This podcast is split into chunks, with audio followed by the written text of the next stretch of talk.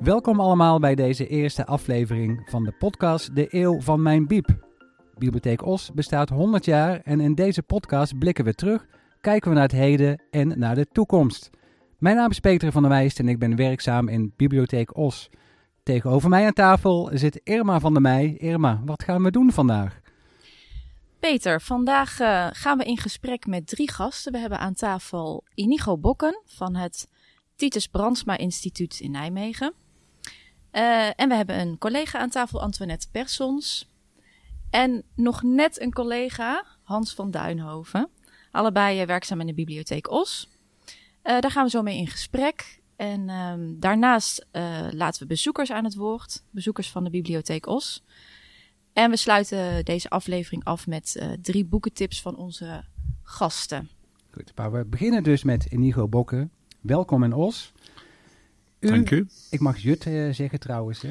Ja, deze keer wel. Ja, je bent wetenschappelijk directeur van het Titus Brandsma Instituut in Nijmegen. Daarnaast ben je ook universitair docent aan de faculteit Filosofie, Theologie en Religiewetenschappen van de Radboud Universiteit in Nijmegen. Mondvol is het, hè?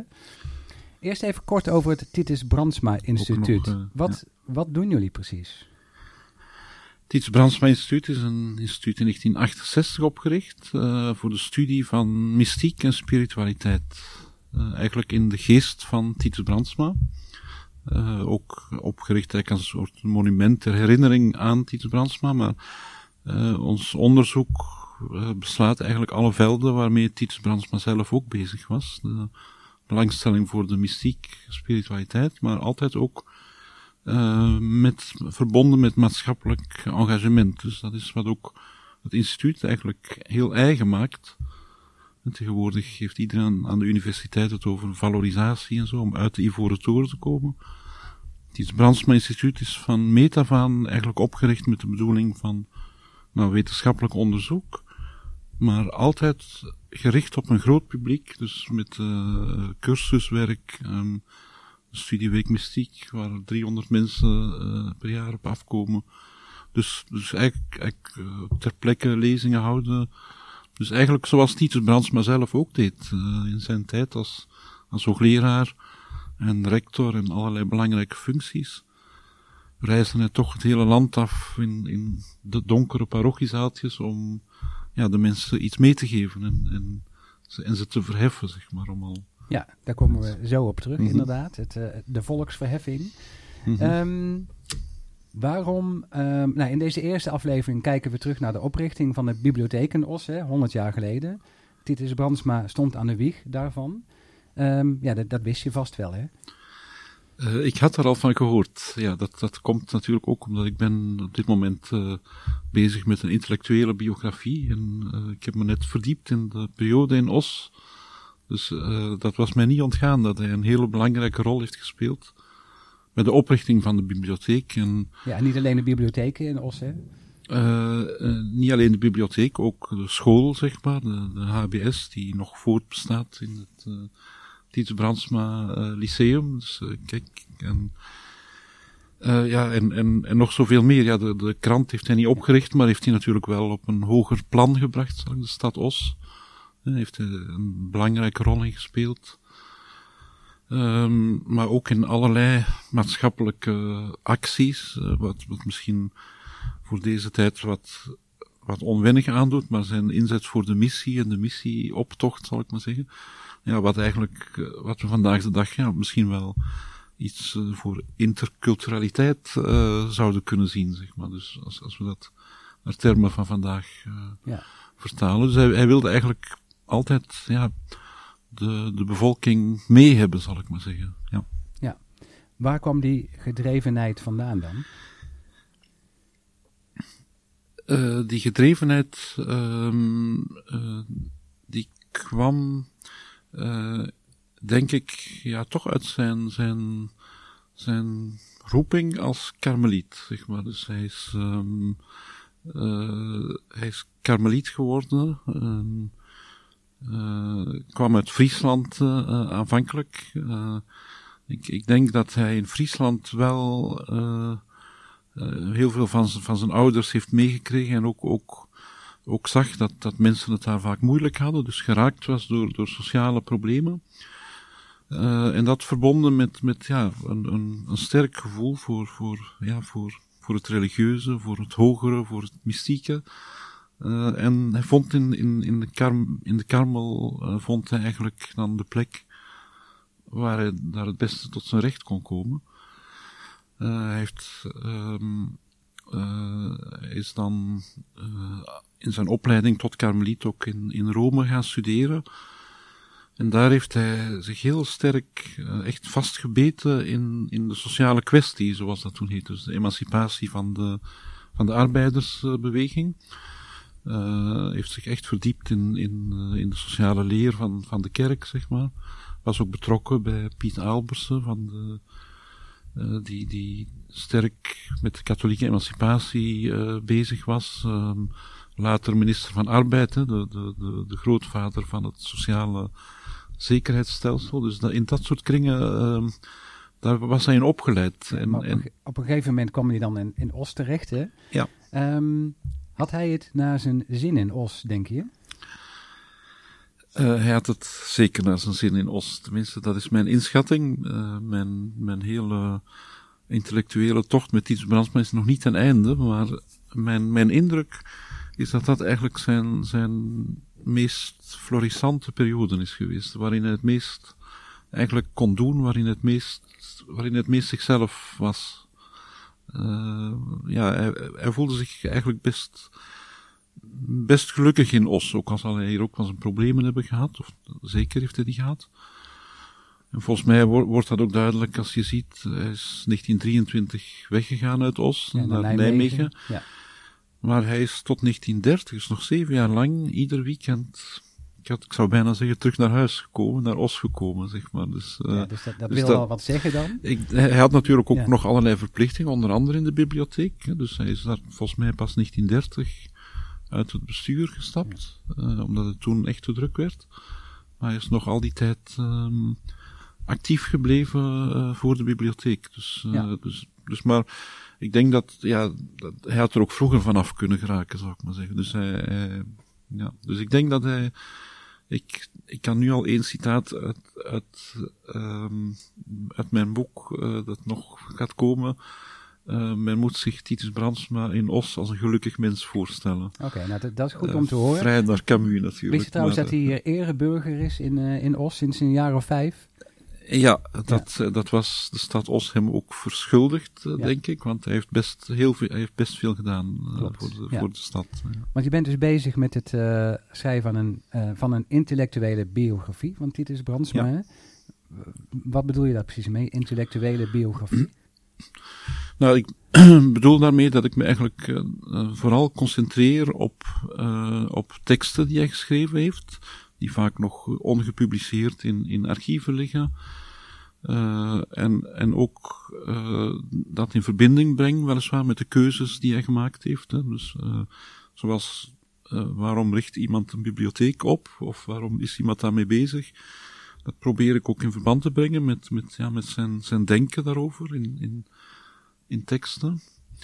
Uh, dus dat ik me daarop focus, dus eerder dan de historicus die, die uh, kijkt wanneer iemand waar komt en zo. Dus dat, dat is een intellectuele biografie. Ja. Uh, dat is ook een beetje om het beeld te doorbreken van wat, wat bestaat over Titus Brandsma. Van, oh kijk, ja, hij was dan wel hoogleraar, maar hij nam aan, aan hoge wetenschap heeft hij te weinig gedaan, omdat hij zo actief was, omdat hij in al die stichtingen zat. Uh, ik probeer eigenlijk te laten zien dat ook zijn maatschappelijke engagement eigenlijk ja, bij zo'n intellectuele biografie hoort. Dat dat, dat ja, mensen, dat, zijn, dat mensen handelen en denken daarbij, zeg maar. Dus dat dat keuzes zijn. Ja. Ja, wanneer moet dit boek verschijnen? Het moet verschijnen in 2023, want dan bestaat de universiteit 100 jaar, dus is veel jonger dan de bibliotheek in Os. Uh, en dan hebben wij als Ties Brandsma Instituut dat boek uh, beloofd aan de universiteit als cadeau voor de honderdste verjaardag. Oké. Okay. Nog één vraagje en dan moeten we al uh, gaan afronden. want Titus Brandsma was altijd gericht op zijn medemensen. Dat zei je net al in het begin. De medemensen die het, die het minder had. Hoe hoe bijzonder was dat in die tijd dan? Uh, nou ja, ik, ik, uh, ik, ik denk dat, dat, uh, dat het niet heel uitzonderlijk was. Kijk, hij, hij past natuurlijk binnen een, een, een, grotere sociale beweging. Ik bedoel, niet alleen in katholieke kringen, in de protestantse kringen, maar ook bij de socialisten. Tot Tiets Brandsma sprak, hij zegt van, nou ja, het is jammer dat ze socialisten zijn, maar, maar ze, ze hebben wel goed het probleem gezien van, van de kleine man, zeg maar. Dus uh, wij moeten een alternatief bieden. En, maar het zat ook echt in hem. En in die zin maakt dat hem toch bijzonder. Dus dat kun je in, in, zijn, in de biografie ook wel goed lezen. Uh, hij had aandacht, ook als een kind tot hem kwam. Ik heb onlangs nog met een vrouw van 95 gesproken, die me per se wilde spreken, omdat ze iets Brands me nog herinnerde dat hij zo aandacht had voor de kleine, kleine vrouw in dit geval. Dan letterlijk, maar ja, dat, dat had hij blijkbaar. Dus uh, oog, oog voor, voor mensen die er net buiten vallen, dat, dat, uh, ja, dat is heel mooi, vind ik, aan zijn uh, leven. Ja, nou, we kijken uit naar het boek wat over een paar jaar verschijnt. Ik hoop dat jullie het dan in de collectie opnemen. Hè? Bij dat, deze uh, beloofd. Ja. dat komt helemaal goed. Uh, dank voor het gesprek, maar blijf uh, rustig zitten, want we komen zo nog uh, bij jou terug. Um, goed, nou, we vieren dus het eeuwfeest van de bibliotheek dit jaar. we hebben ook bezoekers gevraagd wat ze van onze bibliotheek vinden. We hebben ze ook gevraagd of ze Titus Brandsma kennen, of ze weten wie het is. We gaan nu luisteren naar wat reacties. Ik heb wel een beeld van hem. ja, het was een geestelijke. Pater? Ja, een pater was het. Maar verder weet ik er eigenlijk niet zoveel van. De, de pastoor die hier, of de, nee, de kapelaan of priester die hier, uh, ik geloof dat die monnik, nee, priester was die hier ook het TBL heeft opgericht. Ik wist eigenlijk niet dat hij de grondlegger was van deze bibliotheek, maar... Ik kom zelf eigenlijk ook niet van Os, dus ik heb me eigenlijk ook niet zoveel, niet zoveel in verdiept in Titus Brands. Maar ik weet wel de TBL, uh, de school, en ja, ik heb er wel eens iets van gelezen, maar ik moet zeggen dat, nee, onthouden heb ik het niet. Dat het een pater was en dat er een school uh, nagenoemd is hier, Titus Brandsma Lyceum in Os. Ja, ik zit op Titus Brandsma Lyceum. Dus uh, ja, ik weet wel wie het is. Ik weet dat het Titus Brandsma Lyceum in Os is. En dat hij daar de oprichter van was. En die komt uit Friesland. Ik moet je eerlijk vertellen, ik weet er niet meer van. Hij zou wel veel goeds hebben gedaan, want anders dan was hier geen school naar hem genoemd. Goed. Tijd voor onze tweede gast, Antoinette. Die zit hier uh, bij, mij aan bij ons aan tafel. En Antoinette, jij werkt al meer dan 40 jaar in de bibliotheek Os. Ik werk 40 jaar in de bibliotheek, ja. ja. Um, en daarnaast uh, heb je ook een link met het thema vandaag, Titus Brandsma, want jij werkt ook als mediathecaris op het Titus Brandsma ja, Lyceum. sinds uh, 2014. En het, uh, het, het, leuke daarvan is, ik mag in een hele mooie ruimte werken waar uh, Titus Brandsma vroeger uh, de mis heeft opgediend. Dus ik werk echt in de kapel, wow. zeg maar, de voormalige kapel. Later is het gymzaal geworden. Dus er zijn er heel veel ruiten gesneuveld, dat wel. Door ballen? door ballen, maar we hebben nog wat glas en lood. Maar vooral ook um, het wijwaterbakje en natuurlijk hè, het kruis dat aan de muur hangt. Maar ook, ja, ik, mijn kantoor is in de, in de sacristie. Dus ja, ik heb, ik heb nog een heel mooi glas- en loodraampje. Ja. Maar het leuke daarvan ook is, als, um, het is gewoon een prachtige ruimte, is ook een ja, ik ben altijd heel gevoelig voor ruimtes ook. Het voelt ook he heel fijn aan, zeg maar. Heel ja, gemoedelijk en um, prettig. En um, uh, als kinderen komen voor hun, um, uh, zeg maar, open dagen... En als die kinderen dan in de, in de mediatheek komen, want dat is het ondertussen, ja. dan uh, zijn ze helemaal onder de indruk. Want het is natuurlijk heel hoog en uh, ja, het is een ja. oude kapel. En dan zeg ik, wow, het lijkt wel Harry Potter hier. Dus ja, ja het dus is, dus, maar jong en oud vindt het een aan. prachtige ruimte. Ja. En ja. weet, weten de, de leerlingen op school wie Titus Brandsma is? Ja, daar weten ze zeker wel. Ja. En um, ja, de school bestaat dan in 2023 23. 100 jaar. Ja. ja. ja. Ja. Dus, ja, dus dat is eigenlijk een hele mooie combinatie. Hè? Jouw werk hier in de bibliotheek ja. en, in, uh, en op school met de jongeren. Sinds ja. 2014 weer. Maar we gaan nog wel even terug naar toen jij hier begon. Want oh, jij bent, uh, om, als ik goed geïnformeerd ben, uh, begonnen op 1 november 1980. Mm -hmm. En kun je ons eens meenemen? Hoe, hoe zag de bibliotheek er toen uit? Niet alleen letterlijk, maar ook gewoon, hoe was het toen? Nou ja, het was dus eh, heel grappig. Ik ben begonnen op het Sterrenbos. Ik ben hier aangenomen, hier, eh, een gesprek. En dat kan eh, straks Hans ook beamen. Met juffrouw Heijnen, de toenmalige directrice. Een bijzonder, een bijzonder mens. Ik heb daar mijn langste sollicitatiegesprek ooit gehad. Ehm, Was dat een goed teken dus? Ja, dat was een goed teken dus. Uiteindelijk wel, maar het was bijna drie uur. Zo. Ik dacht, oké, ehm, heel apart. Maar Ja. goed, eh, het is begonnen inderdaad daar. En toen mocht ik eh, op het Sterrenbos eh, ehm, filiaal beginnen. Superleuk, superleuk om daar te werken. Toen was het booming, dus de Ruwaard waar ik nou zelf woon. Maar toen was het ehm 70 jaren en dan was het... Nee, nee, daar is het begonnen, zeg maar. Mhm. Dus allemaal hele jonge gezinnen, zeg maar. En ja, het was super druk. En ik werkte op de jeugdafdeling. En daar gingen wij inderdaad nog stempelen. Dus eh, kinderen kwamen boeken lenen en er werd een stempel ingezet. En dan gingen ze weer. Ja. Dus eh, ja, dat was gewoon totaal anders. Hele andere Stempelen tijden. en typen. Nou ja, Ja. een typemachine. Ja, da- daar weten ze tegenwoordig ook niet meer wat dat is. Dus Nee. dat is heel grappig. En eh, ja, door de jaren heen is het natuurlijk, is je werk veel leuker geworden. Ja, want dat wilde ik jou ook vragen. Hè? Ja. Want, want je, ja, ik wil het niet steeds benadrukken, maar je werkte dus 40 jaar. Dat is echt een hele tijd. Ja, En wrijf het maar in. Ja, wrijf het maar in, hè. Ehm, maar welke veranderingen zo in de loop der jaren zijn jou nou echt bijgebleven? Van dat was echt een keerpunt. Nou, ehm, ook het keerpunt dat eh, de filialen weggingen, wegbezuinigd werden. En toen kwam de bibliobus. Ik ben niet zo goed in jaartallen, maar Nee, Hans, weet je dat nog? Dus, oh, zie je? Ja, Hans is daar heel goed in. Ehm, dus eh, ja, dat vond ik wel heel jammer, want die filialen gaven toch een wijk toch wat extra service en betrokkenheid met eh, hè, ja, een, een plek. Inderdaad. En eh, vroeger hadden we het nog niet over laaggeletterdheid, waar wij nu ook heel veel aan doen. Hè.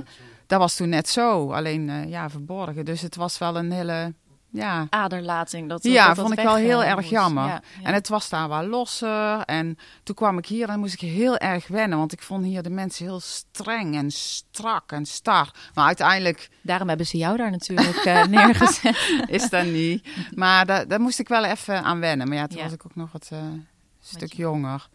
En, en de hele digitalisering, hoe heb jij dat ervaren?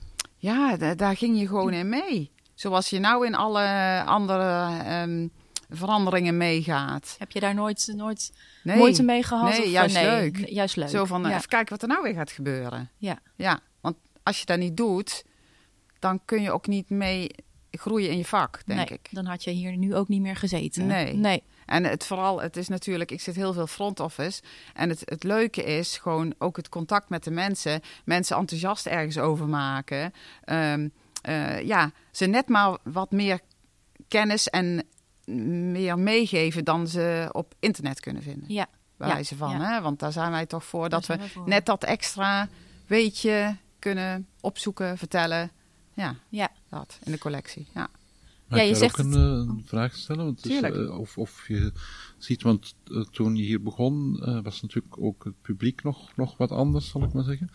En, en eh, zat er toen nog iets in van die idee van, van verheffing, zeg maar, eh, die, die Tiets Brandsma, de stichter, eh, meespeelt? Dat zo'n een drive om te zeggen van, we moeten hier iets brengen? Of, Nee, daar heb ik eerlijk gezegd. maar ja, ik zeg al, ik zat vooral op de jeugdafdeling. Ja. Dus dan merk je dat niet zo. Mm. Nee. Nee, maar het is wel zo, hier komt een, ja, van alles. Ja. En vooral de laatste jaren ook veel, heel veel jongeren hier komen studeren. En Mhm. dat, dat hè, het is meer ontmoetingspunt, ontmoetingsplek geworden. Ja. En dat eh, ja, stimuleren wij ook heel erg. Mhm. Ja, de jongeren hebben de toekomst tenslotte. Ja. Ja. Je zegt net zelf al, ehm, eh, jij bent veel op de vloer zeg maar, Mhm. aanwezig in de bibliotheek. Je bent Ja. ook een heel bekend gezicht. Je Ja. bent ook, mag ik wel zeggen, een flamboyante collega, Hm. extravert. Dus veel bezoekers die zullen jou kennen. Ja. En ik heb jou net al stiekem even gevraagd, heb je ooit... eh, heb je iets leuks meegemaakt of een leuke anekdote die je met ons wil delen? Ach ja, heb wij- je iets kunnen bedenken? Wij, ja, wij, wij maken zoveel mee. Dan, en dan zeggen ze ooit van... eh, maar je werkt in een biep. Is dat, ik denk dat dat saai is. Nee, wij maken van alles mee. Eh, we hebben ook meegemaakt ehm, dat we tussen twee mannen die vochten om de Volkskrant eh, hebben moeten springen. Ehm, we hebben, ehm, ja, ja, dat klinkt heel, misschien niet zo leuk, maar ja, ik hou van dat er iets gebeurt. Mhm. Daar vind ik eigenlijk wel Positief altijd... of wel- negatief? Ja, dat maakt helemaal niet uit, maar dan wil ik altijd kijken hoe ik het zelf oplos. Ja. Een, een, en dat weet Hans ook nog wel, een, een man en die heeft nu een ehm, eeuwigdurend verbod. eh, die eh, zo dronken was en heel agressief was. En, maar hij had wel poëtische woorden van ik ga het hart uit jouw lichaam rukken. Nou ja, dan bel ik gewoon de politie, want eh, dat gaan we dus niet doen. je zit aan de overkant, dus ja, dat daarom, die dingen. Maar ook ehm, heel grappig en lief. En er was een oud collega van ons, Sandra Brandon, was hier. En ze zei, ik, ze, we snapten het niet. Die man kwam heel bedeesd en die vroeg, Heb, hebben jullie euretische boeken? En Sandra zei, dat is met iets met, ehm, ja, esoterisch of zo. Ze Sandra, hebben we misschien een tijdschrift? Ik zeg, nee, volgens mij bedoelt hij erotische, Erotische boeken. boeken. ja, weet je, die dingen maken wij allemaal mee. Ook Ja. gewoon hele leuke dingen, maar ook hele dankbare klanten. Ja. Die merci komen brengen. En ehm, Ja. eh, ook jongeren die eh, zeggen van, oh bedankt, eh, eh, ik vond het boek echt heel erg leuk. Vooral op de mediatheek koppel ik dat dan ook terug. Want dan zeg ik van, goh, ehm, lees dit boek eens een keer. Dat is wat nieuwere literatuur, weet je. Dan moet je in die nieuw, bij die nieuwe boeken kijken. Die ik net, heb ik net aangeschaft. Ik loop dan naar de plaatselijke boekhandel. Die luxe heb ik inderdaad en hier hebben die ook. En dan halen we daar de boeken, die worden ingewerkt. En voilà, is voor het kind. Of die ki- kinderen zeggen van, ja, maar ik wil heel graag deel 3 van de Grijze Jager. Nou ja, ik zeg, volgende week is hier. Dus je kunt heel mooi ehm, eh, meteen Inspelen inspringen, ja, ja. inspelen. Je hebt Ja. iets unieks, eh, is met jou gebeurd. Jij bent in een prentenboek terechtgekomen. Weet je dat? Oh ja, ja Er is een prentenboek gemaakt van, leuk. de, van de, jeugdafdeling Os. En Ja. Antoinette figureert daar Oh. Ja. in beeld. Nou, dan gaan we een, li- een linkje zebra. naar het prentenboek gaan de we op de woeste, site ze- zetten. De woeste woeste zebra in de bibliotheek. Oké, nou, een linkje komt op, op de website bij Ja. jouw eh, foto ja, straks. Ja. Ehm, ja, de tijd zit er al bijna op. Mhm. Eh, ehm, ik wilde jou... Oh ja, dat wilde ik nog even zeggen. Want Mhm. je, wat je ook nog doet, moeten we even niet vergeten, is... Je bent ook het gezicht van boekennieuws, hè? Ja, Geeft ook. veel nieuwe Ja. boekentips aan, eh, Ja. aan men- Ja, nu kan het even niet, maar Nee. hopelijk binnenkort wel weer. ja, dat is ook Ehm, heel leuk. Ja. Nou, jij... Hoe, en dan nog even de laatste vraag. Hoe denk jij dat het al, jou al 40 jaar lukt om, om, om zo enthousiast te blijven? Wat is er nou zo Omdat geen dag leuk hetzelfde is. Nee, hè? Nee. Ja, en op, dat ik ook wel ehm, ja, eh, een, een passie heb voor het vak. Want anders, anders, nee, anders hou je dat niet vol. Nou, we hopen dat je nog eh, een tijdje bij ons blijft. Ja, dat hoop ik ook. En heel erg bedankt voor dit eh, leuke gesprek en dat je dat met ons hebt gedaan. gedeeld. Ja. Ja, we gaan even opnieuw weer luisteren naar re- wat reacties van onze bezoekers. En de tweede vraag die we ze stelden was: ehm, wat, vonden je, wat vinden jullie eigenlijk van de Biep? Wat, wat, waarom kom je graag in de Ja. bibliotheek? Of ze blij zijn met Of de ze biep. blij zijn. We gaan even luisteren naar de reacties. Waarom ik blij ben met de biep? Omdat ik eh, graag kom en dat ze hebben wat ik wil lezen. En mijn boekenkasten staan bom en bom vol. Dus ik wil het liefst bij de biep lenen. En ik wil graag de, de auteur steunen. Maar als ik nog meer boeken koop, dan staat het nog bommervol, zal ik maar zeggen.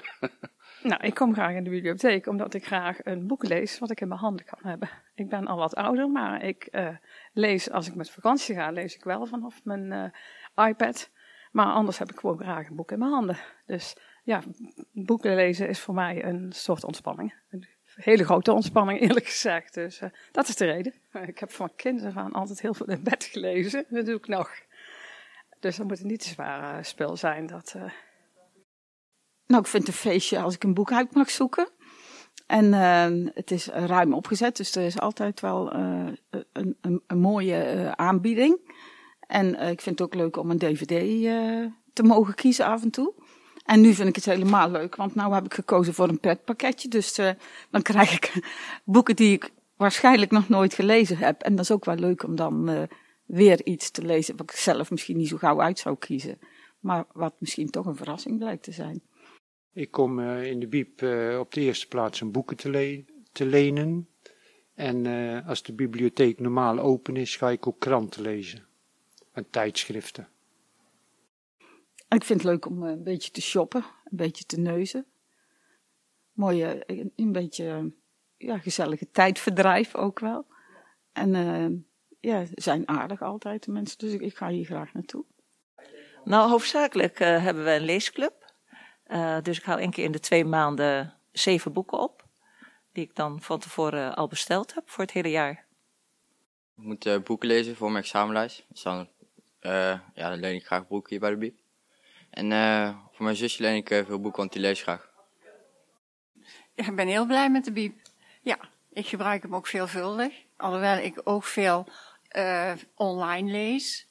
Maar toch, een boek is net weer anders. Hans van Duinhoven werkte van 1 december 1980 tot en met 31 maart van dit jaar bij Bibliotheek Os. Als bibliothecaris was hij verantwoordelijk voor onder meer programmering en collectionering. En daarnaast hield hij zich bezig met de sterk veranderende tijd. Met activiteiten als lezers van Stavast en tegenlicht meetup probeerde hij steeds te duiden wat er in de samenleving speelt. Hans, welkom. Je bent eh, ja, net met pensioen. Ja. Hoe, eh, hoe erg ga je de biep eh, missen? Erg. Ja? Ja. Maar ik ga natuurlijk door, maar niet meer als werkend bibliothecaris. Nee, stoppen met lezen ga je nooit. Nee, ik, nee, dat denk ik niet. Nee, Nee, nee. precies. Hey, ehm, je wilde nog even reageren net op het eh, gesprek met eh, Inigo. Nou ja, ik had vanochtend kwam ik ergens een oud stukje van mij tegen. Eh, Toen hoorde ik op de woorden Titus Brandsma. En toen kwam ik een citaat tegen uit een boek wat over Nijmegen gaat. En dat is- een van de brand, Titus Brandsma eh, ja, monument, zullen we maar zeggen. Daar ging het over. En, die zin is, en dat sluit bijna naadloos aan op wat jij over Titus zei, als sociaal bewogen ge- geestelijke, die in zijn tijd gewoon deed wat hij nodig achtte. En die zin is, in zijn ossenperiode ontwikkelde hij zich tot een intellectueel en een maatschappelijk geëngageerd boegbeeld van de Nederlandse karmelieten. En dat is in, denk ik in de kern waar het om gaat. En dat is in de kern ook waarom ik denk dat het zo fantastisch is dat Titus Brandsma die biep ooit heeft opgericht. Want je kunt geen beter ja, boegbeeld hebben die, die voor het bibliotheekwerk staat. Want wat is dat in de kern is? Dat mensen zich blijven ontwikkelen. En dat de bibliothecaris van dienst, waar hij ook werkt, of het nou in Groningen is of Os of maakt niet uit, die kijkt naar de samenleving, die leest kranten, die kijkt om zich heen en die ziet wat er gaande is. En op basis daarvan trekt hij, maakt hij een analyse en gaat hij dingen doen om te proberen mensen te verleiden, dat is mijn zin, zich te ontwikkelen. Ja, is dat die verheffing waar we het net eh, over gehad hadden? Ja, ja, je hebt het woord volksverheffing volgens mij net niet gebezigd, maar ik, ik noem het woord wel, want het is een beetje besmet woord, want je mag zogenaamd het volk niet meer verheffen, want het volk, de burgers zijn, die weten zelf wel waar ze, hoe, waar ze aan toe zijn. En ik waag te betwijfelen dat de meeste mensen dat, dat weten. De meeste mensen kunnen zich nog steeds ontwikkelen. En niet alleen kinderen en jongeren en adolescenten, maar alle volwassenen van 21 jaar en ouder zullen en moeten, in mijn optiek, zich blijven ontwikkelen. En ik zie om me heen dat dat volstrekt onvoldoende gebeurt. Dat was in de tijd van Titus Brandsma aan de orde, want toen waren de mensen laag opgeleid en arm en noem maar op. Dus het was goed dat er een krant kwam en een onderwijs en een, en een bibliotheek en een school. Dat was in die tijd, maar nu staan we in een voor zeer grote uitdaging in de 21ste eeuw. En volwassenen zullen in mijn ogen in de spiegel moeten gaan kijken om ja, erachter te komen dat ze dingen zullen moeten gaan veranderen. En dat is heel vervelend, want het staat haaks op het leventje wat me- mensen gewend zijn. Dat is lekker consumeren, lekker bezig zijn en vooral niet nadenken over de toekomst. Ja, maar wat eigenlijk dus heel bijzonder is, want eh Titus Brandsma stond in Oost dan eh, aan de wieg van het onderwijs, de krant en de biep. Ja. Deze instellingen doen er nog steeds toe hè, in deze tijd, maar ze staan allemaal onder druk. Nou, dat is wa- waar ik te betwijfelen. Het onderwijs floreert. Er moet wel van alles Nou, aan veranderen. De journalistiek staat onder druk. Ja, dat klopt. Maar ik, er komt een moment, we, het we hebben ook de tegenlicht eh, meet-up gedaan. We hebben z'n tweeën over de toekomst van de lokale krant. En mijn stelling was toen, en die werd door de, de huidige hoofdredacteur van Brabants Dagblad bestreden. Ik zei, er komt een moment dat de samenleving, als ze vindt dat het dat lokale journalistiek belangrijk is, ze de portemonnee zullen moeten gaan trekken als burgers niet meer willen gaan betalen. Want een democratie zonder een kritische krant, ja, die is gedoemd ja, te mislukken. Dus je hebt gelijk dat die krant onder druk staat, maar als die druk te groot wordt, komt er denk ik wel een redding. En dat geldt hetzelfde voor het onderwijs. Het onderwijs zit natuurlijk ook vast in een bepaalde methode van, van 20, 30 jaar geleden. En er moet een nieuwe, ja, iets gebeuren. Maar ja, ik dwaal nu al weer af. Dat doe ik bijna altijd. Voor we het weten zitten we... Ja, ik probeer je op maar het... ik, eh, ja. maar ik hier over die volksverheffing vind ik een heel interessant, omdat het inderdaad een beetje een taboewoord is geworden. Ja, een beetje we- ouderwets woord is het Het is een eigenlijk. ouderwets eh, woord, en het, en het, eh, maar het gaat er volgens mij meer om. En nu moet iedereen het zelf doen, maar in het ideaal van volksverheffing gaat ook dat mensen elkaar helpen, zou ik maar zeggen. Dat doen boeken ook. Ik bedoel, die boeken zijn door mensen geschreven, worden mensen uitgekozen, dus mensen helpen elkaar, zeg maar. En dat is een beetje wat, Nou ja, wat, wat we uit het oog verloren. Ik heb 40 jaar in Os eh, van alles gedaan. En ik denk de komende 40 jaar, de bibliotheken, als die blijven staan, daar ben ik heilig van overtuigd. Die zal, die plek waar Antoinette het over had, die moet veel meer uitgebuit worden. We hebben dus in het publieke domein een, een plek, fantastisch. En daar kunnen mensen samengebracht worden, verleid worden om met elkaar informatie te delen, geïnspireerd te worden, na te denken over belangrijke zaken die moeten gaan veranderen. En ja, dat kan in een, perfect in een bibliotheek. Dat kan ik in een museum, maar een museum is veel elitairder. Dus heeft een veel hogere drempel. Een museum, snap je wat ik bedoel? Een bibliotheek is laagdrempelig. Je hoeft er niet te consumeren. Als je in een café gaat zitten, dan moet je zaalhuur betalen. En een pilsje kost 2,50. Dat is in de bibliotheek allemaal niet aan de orde. Plus, in de bibliotheek lopen mensen rond, zoals Peter en Antoinette en andere collega's, die het stokje van mij overnemen. Die dus in staat zijn dat soort groepen te begeleiden en ze een beetje, ja, te laten nadenken over van alles en nog wat. Ja, ja want Hans, eh, Titus Brandsma was altijd gericht op zijn medemensen, hebben we net eh, gehoord. Hij was een goede voorouder, heb je wel eens gezegd. Hè? Ja. Wat bedoel je daarmee? Nou ja, er is een boek, dat is mijn boekentip, kom ik straks wel op. Er is een. ehm, ik, had, ik heb een paar zinnen in, die ik vaak bezig. En een van mijn zinnen is, en die heb ik gejat, een beetje geparafraseerd van een Amerikaanse filosoof die in hetzelfde jaar geboren is als ik, Susan Nyman. En dat boek heet Waarom zou je volwassen worden? En in dat boek heeft ze zelf het antwoord. Waarom zou je volwassen worden? De, bedrijfsleven zit helemaal niet te wachten op volwassenen. Want aan volwassenen kun je geen flauwekul, diensten, producten en meningen slijten. Dan kun je wel aan kinderen, pu- pubers, et cetera. En toen heb ik van- van dat verhaal gemaakt. Volwassenen verleiden zich volwassener te gaan gedragen.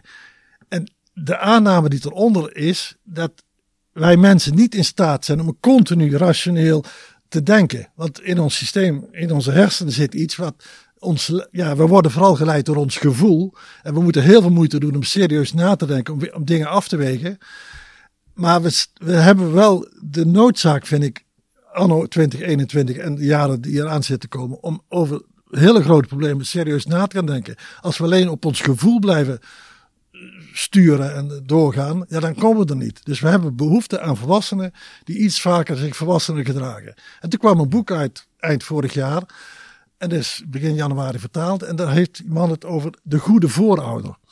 En toen dacht ik, bingo, die heeft hetzelfde. Die ziet ook dat er hele grote problemen zijn. En zijn constatering is, onvolwassen volwassenen, en dat ben ik zelf ook, hè. Wij allemaal. We zijn allemaal op, ons, op een bepaald moment onvolwassen. Dan gedragen we ons puberaal. Dan gaan we voor het eh, korte gewin. We, hebben anno, nu denken wij te weinig na over onze kinderen, kleinkinderen en achterkleinkinderen. Wij zijn geen goede voorouders.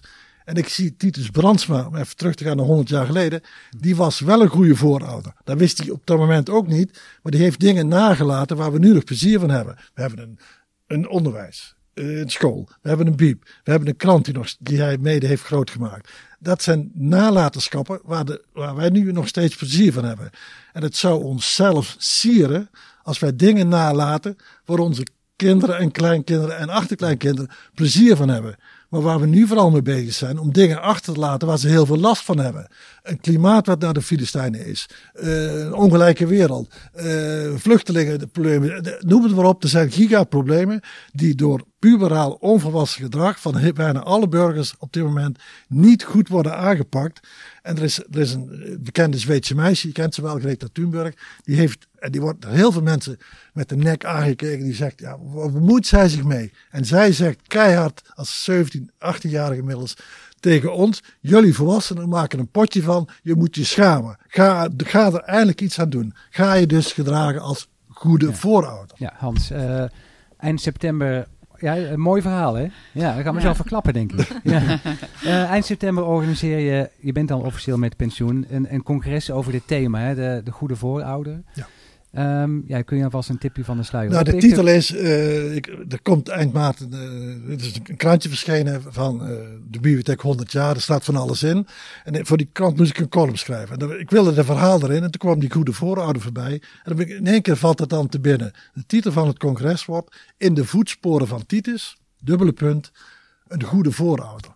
De bibliothecarissen van nu, die hebben een fantastisch voorbeeld in die Titus Brandsma. En wij moeten verder gaan in zijn geest. Kijken naar de huidige problemen en daar iets aan doen. En ja, ja, Ja, ja, proberen. We gaan, eh, we gaan sprekers uitnodigen eh, die verder praten over dit eh, thema. Welke rol de bibliotheek erin kan spelen, is ook een belangrijke vraag natuurlijk.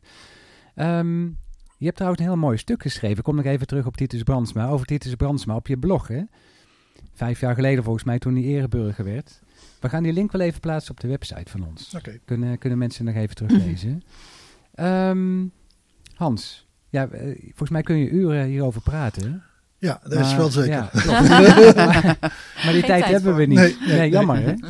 Ja. Ehm, Hans, dank voor het gesprek. Je gaat zo nog even het boek toelichten wat je hebt eh, meegenomen. Maar na jouw verhaal gaan we denk ik eh, wel ons best doen toch om een goede voorouder te zijn hè. Maar daar waren we al mee bezig toch? Zeker. Ja. Jawel? Ja, ja, ja. Heel goed, heel goed. Ja, we gaan eh, over naar eh, de boektips van onze gasten. Ehm, ik wilde trouwens ook nog even zeggen, er is ook een heel leuk eh, oud krantenartikel uit eh, de Os. eh, moet ik even goed zeggen hoe de krant heette? Wie helpt mij? De Os. De, de, De stad Os? De stad Os, ja. Ja. Over ehm, de oprichting van, eh, van de leeszaal destijds. En eh, dat is echt heel vermakelijk om te lezen. Dus daar gaan we ook even een linkje van eh, op de website zetten. En eh, onder andere dat het de huiselijkheid zou bederven, de bibliotheek.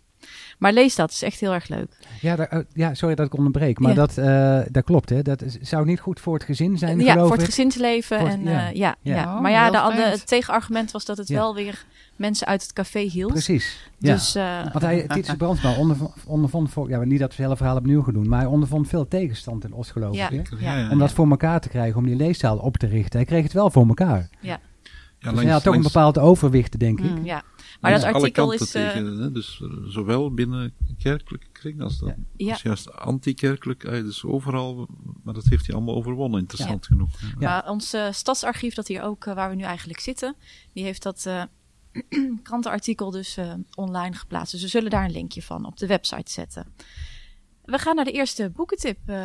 Inigo, wat heb jij meegenomen voor ons? Ja, ik ben eh, heel voorspelbaar geweest. Dus ik heb een, een net uitgekomen boekje van Titus Brandsma, natuurlijk postuum, want eh, eh, een tekst ehm, die... Wat is de titel van het boek? Het heet Maria, een trinitaire theologie. Klinkt niet echt bij de tijds misschien, maar het is toch een heel spannend boekje. Het is een, een tekst van hem die hij heeft uitgesproken op een congres over Maria, maar waarvan eh, eigenlijk zijn omgeving vond van publiceer dat toch maar niet, want eh, dat, dat hier, eh, dat, dat gaat eigenlijk boven jouw pet, al die theologische problemen. En straks ga je nog een ketterij verkondigen dat Maria een deel is van de, van de heilige drie-eenheid Eenheid, en zo. ja. Dus die tekst is, is voor publicatie teruggetrokken en samen met de uitgever vonden we het dan leuk dat, dat die nu toch uitgegeven is, met een inleiding voorzien. Eh, Maria stond voor hem, want eh, dat is toch wel interessant, want denken we, oh Maria, wat is dat, wat is dat nou voor iets? Eh, maar Maria stond eigenlijk voor een soort vermogen in mensen om open te staan voor, voor hogere idealen. Zo, zo, zo ziet hij dat. Dus hij is zijn hele leven eigenlijk met die vraag bezig geweest, wat is Maria eigenlijk? Het is eigenlijk voor hem dat symbool voor, voor het openstaan, hè, dus zoals de historische Maria God in zich droeg, of in ieder geval ja, wat, wat door christenen zo ehm, ervaren wordt. Eh, zo zag je daarin van, nou ja, ieder mens heeft in zich iets hogers eigenlijk. En dat, dat moet naar boven, dat moet naar buiten komen. Nou, dat, eh, dat ziet hij in Maria en dat staat in dat boekje. boekje, dus in die ja. zin is het een soort spirituele achtergrond van zijn Ja. idee dat je mensen moet, moet verheffen en, en naar het hogere moet Ja, brengen. dan komen we toch weer op de, op de volksverheffing. Ja. Ja. Dus dat, dat boekje is bij Ja, Het is een eh, heel dun uitgekomen. boekje. We hebben net dun besloten boekje. dat we krijgen het, het, hè? eh, Ja, dat we het op gaan nemen in de het, eh, collectie. ja, onder, onder Ja. dwang laat ik het hier achter. Nee, ik heb Ja. de volledige vrijwilligheid laat ik hier achter. ja. Nee, is, het, is eh, het trouwens een uitgave van het eh Titus Brandsma Instituut? Eh, nee, niet echt. Dat niet, Eh, ja. nou, ehm, het is van eh, uitgeverij Gibolet in Amsterdam, die hele mooie boeken uitgeeft. Ik heb de inleiding geschreven, dus, maar het is niet, niet echt in een serie of zo. Dus, Oké. eh, Ja. Nou, hij komt in de collectie, dus eh, Ja. wie het wil kan het lezen. Gaan we door naar Antoinette. Wat heb jij meegenomen voor ons? Ja, ik, heb, eh, ik ben bijvoorbeeld heel een Adriaan van Dis fan, maar daar heb ik... ehm, De nieuwste al gelezen? Nee, Nee, nog niet. nee, ik ook nee, niet, hoor. Cliffy, Nee. Cliffy, hè? Cliffy, ja. ja. Nee, die heb ik nog niet gelezen. Daar eh, heb ik echt alles van gelezen. Ik vind hem als persoon ook helemaal geweldig, eh charmant. Spreekt de en, jongeren eh, ook aan, hè? Ja, zeker Terwijl wel. toch al op leeftijd ja, is. Ja, zeker. echt heel leuk. Ja. Maar Dus, is hij toch niet een ar- arrogant heertje voor die jongeren? Nee, want hij ontleedt Nee. ook, eh, ook rapteksten en zo. Ja, ja. Hè? Ja, Het is echt, eh, Ja. echt, ja. Hij is gewoon, hij is het jongen cool. Adriaan is cool. Toch, hè? Ja. Ja, zeker weten. Ja. Ja. Dus, maar ik heb ehm, als leestip ehm, Stefan Brijs, Maan en Zon. Ik heb het, eh, het is volgens mij al drie, vier jaar oud hoor. Het is geen nieuw boek, maar ik heb het in, eh, op een zondagmiddag, ik weet het nog goed, in één keer uitgelezen. En ik heb alleen maar gehuild. Oh, Het is echt, het is een prachtig boek. Het speelt zich af op eh, Curaçao. Ehm, het gaat over drie generaties ehm, mannen. Ehm, eh, het wordt verteld vanuit broeder Daniel, die eh, die kinderen, of die vader, zoon en kleinzoon in de klas heeft, hebben geha- heeft gehad. En eigenlijk gaat die hele maatschappij, zeg maar, waarin hun leven gaat, ehm, ja, hoe moet ik zeggen, ze, ze zijn gevangen in tradities en daar willen ze zich ook eh, en stereotypen. Bijvoorbeeld uiteindelijk eh, de hoofdpersoon die in een oude Dodge eh, rondrijdt, de taxichauffeur is op Curaçao, zegt eerst dat hij acht kinderen heeft. Want hè, daar hoort, Antilliaan heeft heel veel kinderen, dit en dat. Maar ehm, eh, uiteindelijk heeft hij er maar één, weet je wel. En ze zitten eigenlijk een beetje gevangen in wat er van hun wordt verwacht. Ehm, ze proberen alle drie zich... ehm, inderdaad, want ze zijn alle drie heel slim. Ze proberen zich eh, ehm, te ontworstelen aan eh, eh, ja, het milieu. Maar eh, telkens gaat het ehm, niet goed. Het milieu klinkt negatief, maar zo bedoel ik het niet. Ze, ze willen zo ook vooruit, zoals ieder, eh, ieder mens. Maar het lukt ze telkens niet met allemaal eh, dramatische gebeurtenissen. En eh, het loopt ook hartstikke slecht af. Maar oh het, spoiler alert. eh, ja. Ja. maar het is een, ja, ik vond het echt een heel indrukkend, een indrukwekkend Ja. boek. Ja. En Stefan Brijs, een, een Vlaamse schrijver, hè? want we hebben vandaag een Vlaamse gast aan tafel. Ja, ja. Inigo, Oh, kijk, eh, het is een en al ja. link, link, link. Hè? Ja, ja. ja. Ja. Ja. Stefan Brijs, Maan en, En maan Zon. en zon. Ja, Mooi, bedankt voor jouw tip, Antoinette. graag gedaan. Nou Hans, van jou hebben we het net al een beetje gehoord, hè? Ja, de, Ja, goede, Hans heeft een goede hele voorraad. stapel meegenomen. Ja, maar hij dus, mag er eh, maar één, hij mag er maar één kiezen. de goede voorouder heet- het boek. Die man heeft een onuitspreekbare naam. Hij, heeft een, hij is in Australië met een, een Pools aandoende achternaam. Roman Kranaj- Knaric. Hij woont in Engeland, in Londen. Is getrouwd met een econoom, Kate Rayward. Die is beroemd geworden met het boek Oh ja. Donut-economie. Ja. En je kunt dit boek echt lezen. Je leest het, ook, het is echt goed geschreven. Hij heeft literaire kwaliteiten. Maar je kunt ook naar een tegenlichtuitzending kijken van eind februari, drie kwartier lang. Waarin hij dus drie kwartier uitvoerig aan het woord komt om uit te leggen wat hij met de goede voorouder bedoelt. En in het boek heeft hij het over zes manieren om een goede voorouder te zijn. Ik kan ik er twee uit. Hij vindt één manier is, we moeten meer in kathedraal denken, aan kathedraaldenken doen. En daar bedoelt hij mee, denk aan Gaudi en Barcelona. Die architect heeft in 1880 is begonnen met die, de Sagrada Familia. En hij wist, dat krijg ik tijdens mijn leven niet klaar, maar dat geeft niet. Want de generaties na mij gaan het wel afbouwen. En dat is dus kathedraaldenken. En zijn groot verwijt richting de huidige politiek en samenleving is dat wij amper in staat zijn om kathedraalachtige projecten tot stand te gaan brengen. En hij noemt in het boek en ook in die tegenlichtuitzending Nederland met de Delta werken. Dat vindt hij allure. Dat een samenleving zegt we gaan 30, 40 jaar lang investeren om iets groots tot stand te brengen. En zijn stelling is als goede voorouder moeten wij meer in kathedraalachtige dingen gaan denken. Bijvoorbeeld in 15 jaar gaan we energie-neutraal worden. En hij heeft minder met we gaan een man naar Mars brengen. Want daar vindt hij eh, luxe problemen van een miljardair.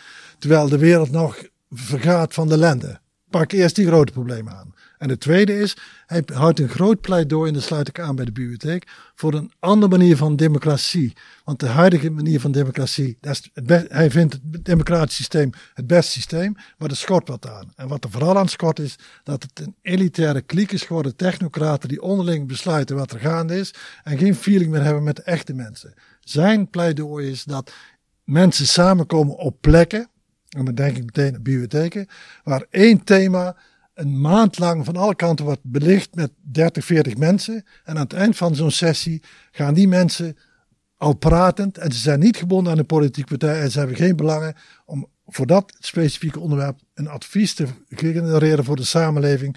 Dit vinden wij, nou, dat we alles gehoord hebben, de beste optie. En jullie politiek wordt geacht dat af te zegenen. En het niet nog eens een keer nou ja, te gaan amenderen, zodat er van de kathedraal helemaal niks overblijft. Ook hier geldt, Peter, ik ga nu stoppen. Dat ik hier nog veel meer over kan vertellen. Het is echt een fantastisch boek, literair geschreven. Uh, een genot om te lezen. En wil je niet lezen, kijk dan eens naar die tegenlichtuitzending. Ja, ja, helemaal goed. Mooi. En voor de andere vier punten kunnen ze het boek uh, lezen. Ja, zeker. Mooi.